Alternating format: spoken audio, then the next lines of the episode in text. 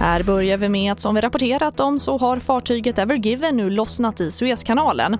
Högre tidvatten och intensiva insatser från boxerbåtar verkar ha gjort susen. Och runt 15% av alla världens varor passerar genom Suezkanalen och enligt Reuters har stoppet kostat kanalen 15 miljoner dollar per dag kanske det är där den allvarliga effekten egentligen kommer. Det är ju faktiskt på industrin. Det är på jobbmöjligheterna när, när industrierna måste stänga ner för att man inte får insatsvaror, man får inte ut sina färdigvaror. Det är då du får en stor samhällspåverkan av detta bortom att vi faktiskt ser att det ligger en lång, lång rad med flera hundra, flera hundra fartyg som faktiskt väntar på att passera den här kanalen. Och det sa Rickard Engström, vd för Svensk Sjöfart.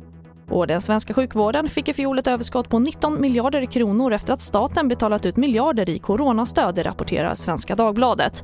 Chefsekonomen på Sveriges kommuner och regioner säger till tidningen att staten överkompenserade regionerna och att de gärna sett att man haft en avstämning i slutet av året.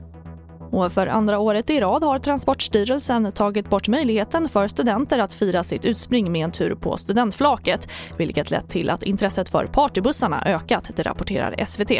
Men eftersom partybussarna ligger under samma regelverk som gäller när man hyr ut lokaler så får alltså max åtta personer vistas på bussen samtidigt. TV4-nyheterna, jag heter Charlotte Hemgren.